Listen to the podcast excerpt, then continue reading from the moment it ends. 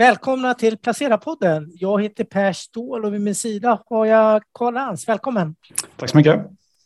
Idag ska vi prata hälsovård. Det är en bred sektor som eh, det omfattar allt ifrån de riktigt stora, stora läkemedelsjättarna som Johnson Johnson och Pfizer ner till mycket medicinteknik och eh, medtech. Så det, är ett väldigt brett, brett spann. Och eh, Karl och jag har med oss Janna Hattela idag från det finska fondbolaget Fondita. De har fonden Fondita Healthcare. Välkommen Janna. Hej, tack så mycket. Tack för inbjudan att delta i er podcast. Eh, du är en av fondförvaltarna på fonden. Berätta lite kort om dig och eh, lite vad det, vad det är för fond vi har. För jag menar, den ena hälsovårdsfonden är ju inte den andra lik. Precis, ja, jag jobbar alltså på, på Fondita eh, som är ett eh, eh, fondbolag, ett finskt fondbolag. Det som kanske särskiljer oss från marknaden är det att vi har ett klart fokus på aktivt förvaltade aktiefonder. I dagsläget har vi åtta fonder med noggrant handplockade bolag, både tematiska fonder och, och småbolagsfonder. Och, och vår Fondita Healthcare är som sagt en av de, de tre tematiska fonderna. Och Fondita Healthcare eh, det är en global hälsovårdsfond eh, som är ganska koncentrerad, ungefär 40 innehar vi i dagsläget. Eh, inga restriktioner vad det kommer till, till marknadsvärde på bolagen till exempel, så den är faktiskt ganska ganska jämnt fördelad i dagsläget mellan, mellan större, större, just som du nämnde, läkemedelsbolag och sen de mindre small midcap-fokuserade bolag inom medicinteknologi till exempel. Men eh, tillsammans med, med Tom Lehto eh, förvaltar jag fonden för tillfället. Tom har förvaltat den sedan, sedan lanseringen 2018 och han ska faktiskt gå i pension nu i juni. Så sen blir det jag som tar över ansvaret för fonden då tillsammans med, med Markus Larsson som har, som har varit eh, co-manager i fonden sedan starten. Ja, vad spännande. Jag var faktiskt och lyssnade på er första introduktion. Jag träffade Tom då, kommer jag ihåg, i Stockholm 2018, så det, tiden går snabbt. Det är helt, helt klart. Kan, kan, du berätta lite om marknaden som vi är inne i nu? Det har ju varit en, en svårnavigerad marknad, särskilt under året. Och hur har det påverkat hälsovårdsaktier och de här olika segmenten eller de här, den tematiska ansatsen ni, mm. ni har på marknaden? Ja, no, visst har det varit ett, ett annorlunda år än kanske man, man tänkte när vi gick in till, in till 2022, att, att visst, eh, äh, säga inflationen och de här stigande räntorna, så det var ju redan på tapeten förra året, men, men ändå den här starka rotationen som, som året började med och som har, som har hållit ut då, så gott som hela första, första fyra, fem månaderna, så, så nu har den ju varit kanske grovare än, än, i alla fall vad jag hade räknat med. Och, och sen ännu den här geopolitiska osäkerheten och, och dens effekt på sentimentet. Så, så nu har det ju varit tufft och, och framförallt volatilt. Och, och det där, man kan ju nog klart säga att det har varit en turbulent start i året och hälsovård eller healthcare som en sektor så har ju absolut inte varit immun heller för de här marknadsrörelserna.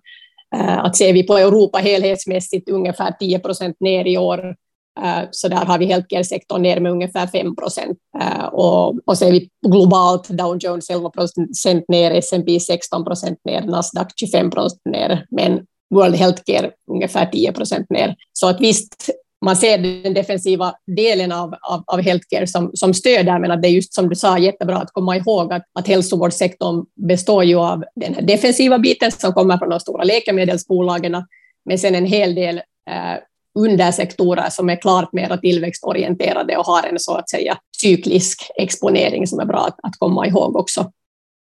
Ja, för, för, innovativa, mm. för innovativa snabbväxande bolag har ju, de har ju, tagit, de har ju tagit stryk ganska länge nu, kanske under ett års tid. Så är det. Eh. Ja, absolut. Alltså, det kan man ju säga att om vi tittar liksom på, på globala hälsovårdsmarknaden så, så stora liksom, så, så, kallade big pharma-bolag, de, de står ju för ungefär 40 procent eh, av, av indexvikten.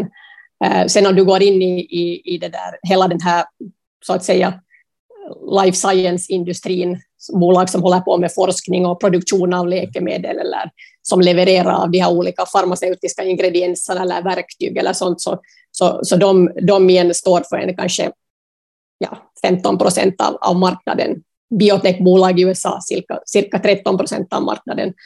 Eh, medicinteknologi eller sån healthcare equipment, ungefär 15 procent av marknaden.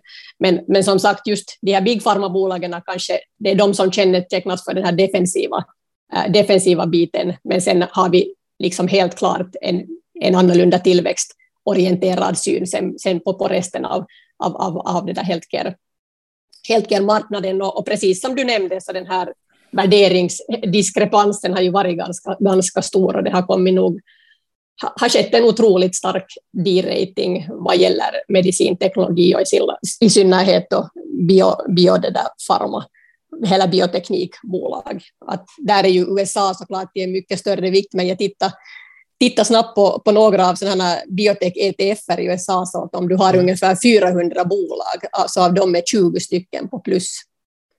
Så att det har mm. nog varit liksom en, en, en klart en, en mycket hård försäljning där och, där kan man ju säga liksom att biotech USA ner ungefär 40 procent i år. Så att eh, det är en sektor i sig som jag kan säga att vår, vår fond håller sig ganska långt bort från för att vi har kanske en sån här mera, eller vi har klart en mera kvalitet och tillväxt tilt i våra innehav och, och ser kanske det här liksom biotech-klustret en ganska så här eh, hur ska man säga, opportunistisk sektor, för att det är ofta bolag som är så i början av, av, äh, av utvecklingsfasen av sina produkter, att, att de så att säga bränner pengar varje dag och, och det är ganska osäkert att kommer det att leda till någonting i slutrakan.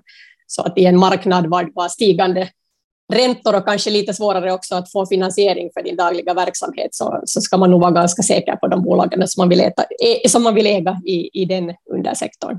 Ni väljer då lite större och lite tryggare bolag. Kan du berätta lite om era största innehav? Jag ser att det är AstraZeneca och Novo Nordisk i topp i alla fall. Mm. Ja, eh, alltså som sagt, alla Fonditas fonder eh, har ett ganska stort fokus på, på kvalitet och, och tillväxt. Och, och, vi är liksom måna om det att vi har bolag som har en bra marknadsposition, som har någon slags konkurrensfördel som ger dem prissättningsförmåga också i, i, i cykelns eh, olika olika lägen och, och, och, som helt enkelt har en, en dominerande marknadsposition inom sin egen nisch. Och om vi ser på våra största innehav så, så du har helt rätt med den att vi har de här några större hälsovårdsbolagen, då AstraZeneca, Novo Nordisk och Eli Lilly till exempel. Mm. Uh, ser vi på Big Pharma så har vi faktiskt en ganska klar undervikt uh, i den sektorn i vår fond. Det är någonting som vi alltid har haft och det har då mycket att göra just med den här tillväxt och resultat tillväxtorienterade fokuset som fonden har.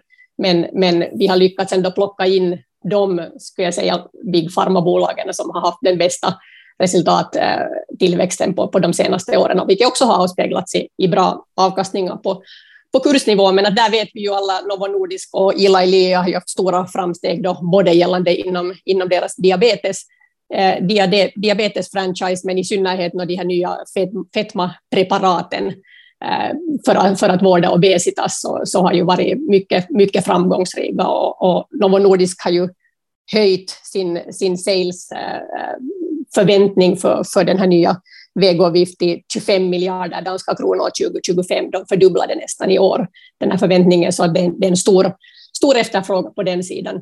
Sen kanske andra bolag som jag gärna skulle lyfta fram eh, för vår del är det att jag, jag nämnde att vi är inte så inne in i, i, i bolag som är liksom i biotech eh, sfären, men sen själva den här liksom biofarmaindustrin är, är ju massivt stor och, och den, den, växer ju helt på en annan, annan nivå än, än så att säga traditionell läkemedelstillverkning och, och där har vi mycket, mycket bra exponering både till, till de här eh, bioprocessbolagen och också till kontraktstillverkningsproducenter. Att där har vi Sigfrid och, och Lonza till exempel som, som mycket viktiga innehav i, i fonden.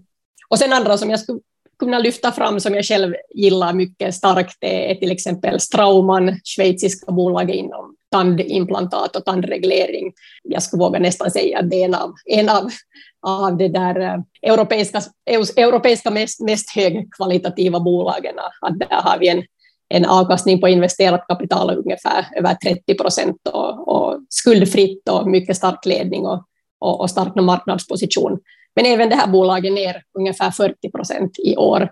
Eh, att här ser vi nog att ett bolag som har haft en, en mycket stark tillväxtprofil, eh, mycket högkvalitativa eh, så att säga faktorer om sig så har ju handlat på mycket högre värderingsnivåer en längre tid, men de har också levererat konstant. Men att i det här marknadsläget så har, ju, har man ju absolut inte, inte tagit hemskt, hemskt väl emot de här värderade bolagen. Så att som, som sagt, även Strauman ner 40 procent i år. Det som man ju kan säga, säga vilket ju har varit liksom tycker jag en, en trend under det här första kvartalets resultatsäsong är ju absolut det att, att eh, det har varit en ganska klar diskrepans mellan hur bolagen har handlat och vad bolagen har kommunicerat.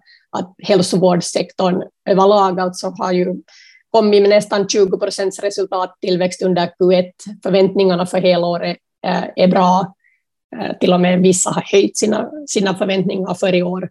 Så att på det sättet det som man kanske varit rädd att skulle ha hänt i de här bolagen har ju inte kommit till, till kritan så att säga. Tror du att det kommer eller varför vågar inte investerarna Uppenbarligen säljer man ju mer än man köper som priserna gått ner så pass mm, mycket. Mm. Vad, vad, krävs för att få tillbaka investerarna? No, jag tror nog att, att det nu redan börjar vara så att, att, att man, man hittar att alltså investerarna har ju hittat sektorn absolut nu. Mm. Det ser man ju att om man, om man tittar mm. på våra motparters kommentarer gällande till exempel sektorallokeringar och preferenser så är det ju nog, jag tror inte att jag har sett den enda som inte skulle ha haft hälsovård i overweight mm. för tillfället. Uh, och, och, där är ju såklart då den här defensiva, defensiva sidan som, som lockar, men, men även skulle jag säga att i en sån här sencyklisk fas så är det ju nog intressant att äga Eh, kvalitetsbolag och när du får dem nu till klart, klart attraktivare värderingsnivåer än vad du fick några månader sedan så, så skulle jag nog säga att, att det börjar se, se intressant ut. Har ni gjort någon omallokering i fonden nu? Ser, ser du mycket köpmöjligheter tycker nu då att värderingarna kommit ner alldeles för mycket i vissa bolag och så vidare? Har det, har det skapat någon process hos er?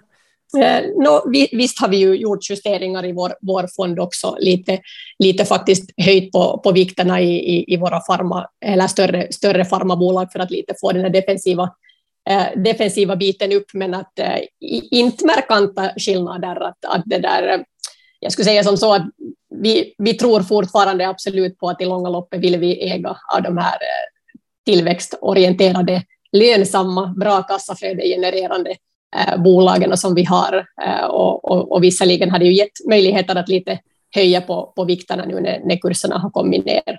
Sen har vi nog satt en, en, en fokus på att sätta lite mer tid och titt eh, mot USA, för jag skulle säga att USA kanske som, som marknad just nu så, så känns intressant också på hälsovårdssidan, eh, att där är, de är lite attraktivare värderade i relation till marknaden där, eh, och, och sen också kanske hur ska man säga, makroekonomiska läge i USA och hela det här liksom geopolitiska osäkerheten i Europa så gör ju också det att USA kanske som marknad känns lite mer attraktiv just nu och, och sen också eh, dollarns stark, starkhet är ju också någonting som gör att vi gärna skulle höja lite på, på det där, vår vikt i USA. Så, att, så där skulle jag säga att vi har kanske haft, haft nu lite mera, mera fokus på och säkert små, små förändringar kommer fortfarande att ske. För ni är ju väldigt underviktade i USA. Det är lite vad jag slås när jag tittar på Om man mm. tittar på många, många andra eller man tittar på globalt hälsovårdsindex som du pratade mm. lite om. Eh, de har ju en betydligt större, eh, större USA-del än vad ni har i fonden. Det är sant, ja. Eh, vad, vad beror det på att ni är så pass Europatunga som ni är? Eh, no, alltså säkert delvis historiskt sett så har det också haft att göra med det att helt enkelt eh, ser man på, på just medtech-sfären var vi har en, en klar övervikt.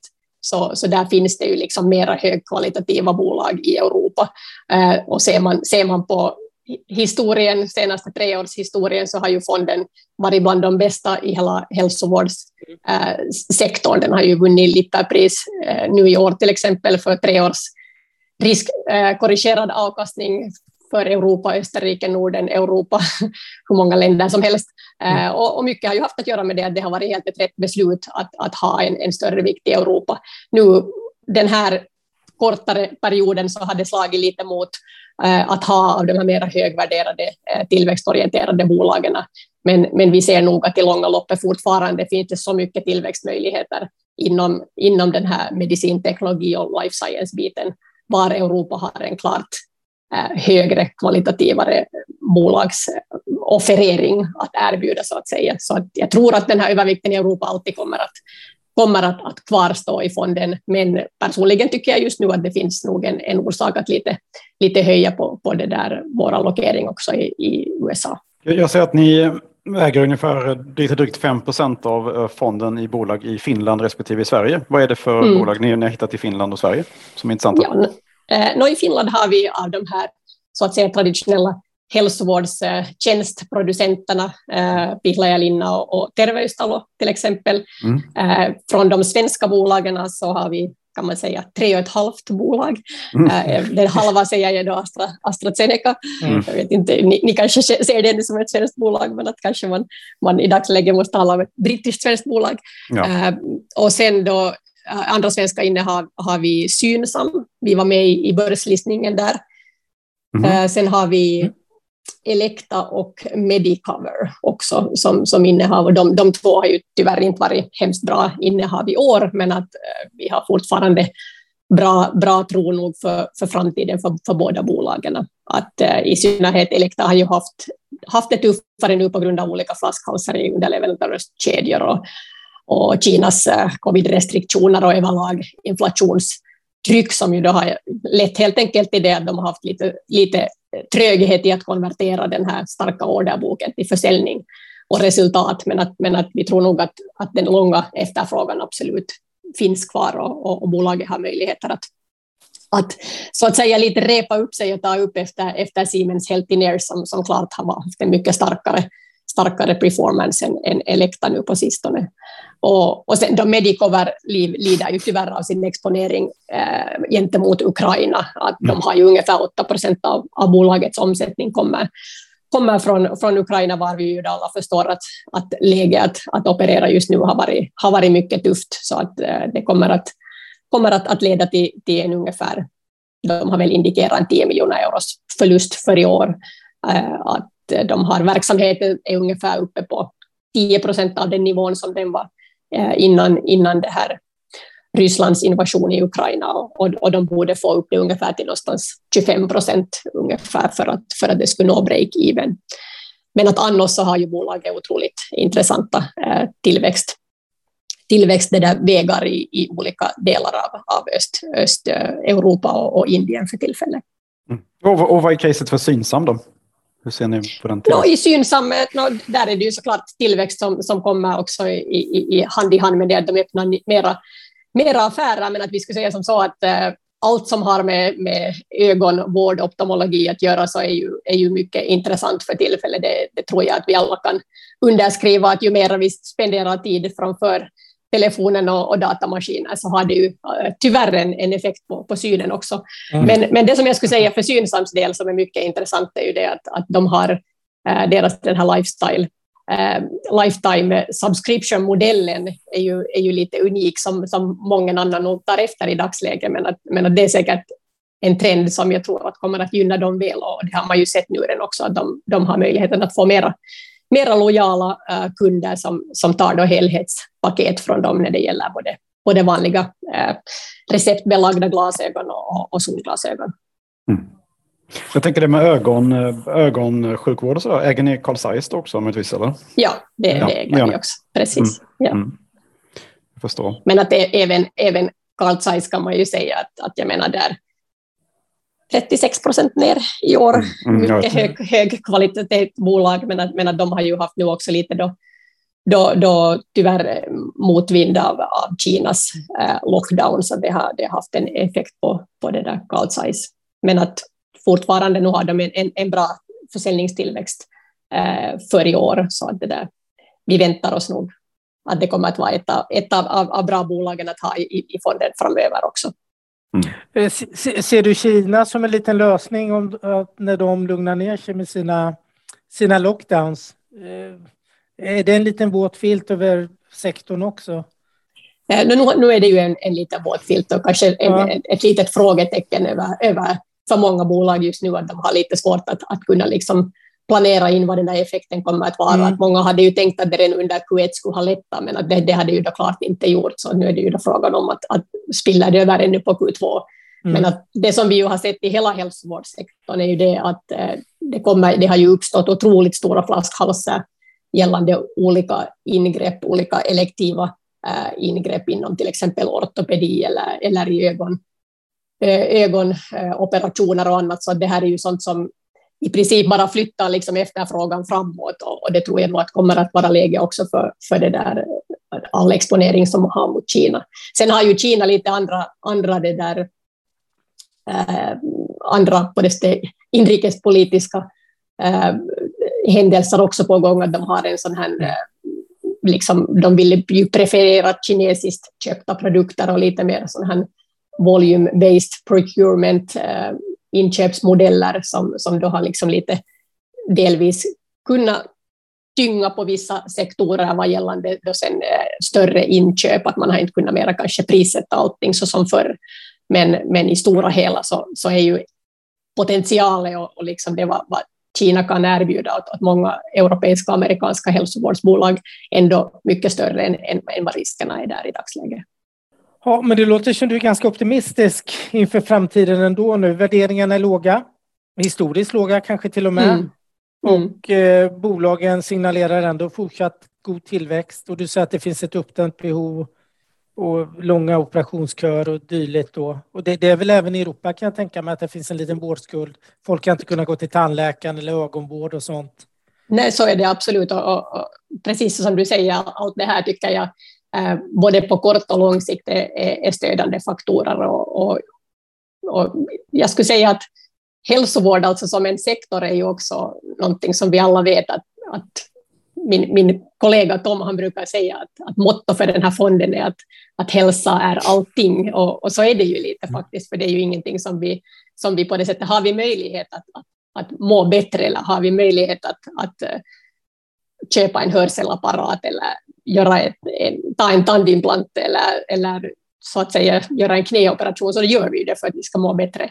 Mm. Mediciner äter vi oberoende vad det är för, för läge i, i, i makroekonomin. Så det finns liksom mycket sådana stödande faktorer för den här sektorn uh, och, och, för dens tillväxt.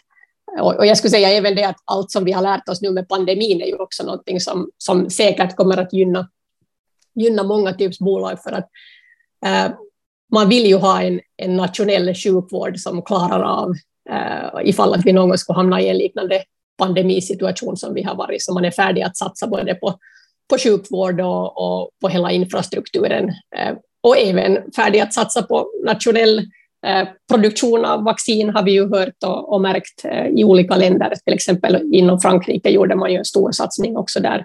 Så, att, eh, så det finns nog mycket, mycket det där stödjande faktorer för den, här, för den här sektorn. Och det som kanske är bra att påpeka ändå här är det att trots att du har de här defensiva sidorna så om du tittar till exempel på snitt 12 års avkastningar sedan 1982, det var Bank of America som hade gjort en stor, stor undersökning, så, så hälsovård eh, har avkastat i snitt nästan, nästan 13 procent. Eh, men med en klar, alltså, och då tänker du att informationsteknologi ligger ungefär på 15 procent, men du har en klart lägre volatilitet, mm. alltså en, en, en volatilitet på, mm. på, på, under 19 procent. Så att i princip har du nästan samma fina årliga avkastning som du har haft på, på högre växande techbolag, men med en mm. klart lägre volatilitet. Och jag tror att det, det är något som vi alla kan tycka att det är helt, helt trevligt att ha i portföljen. Jag tycker att eh, Karl och jag får ta, eh, vi får ta ett nytt samtal senare i höst här och höra hur... Bra, vi gör det. Tack så jättemycket. Mm, tusen, tusen tack för att du var med. Tack så mycket. Hej hej. Tack och hej.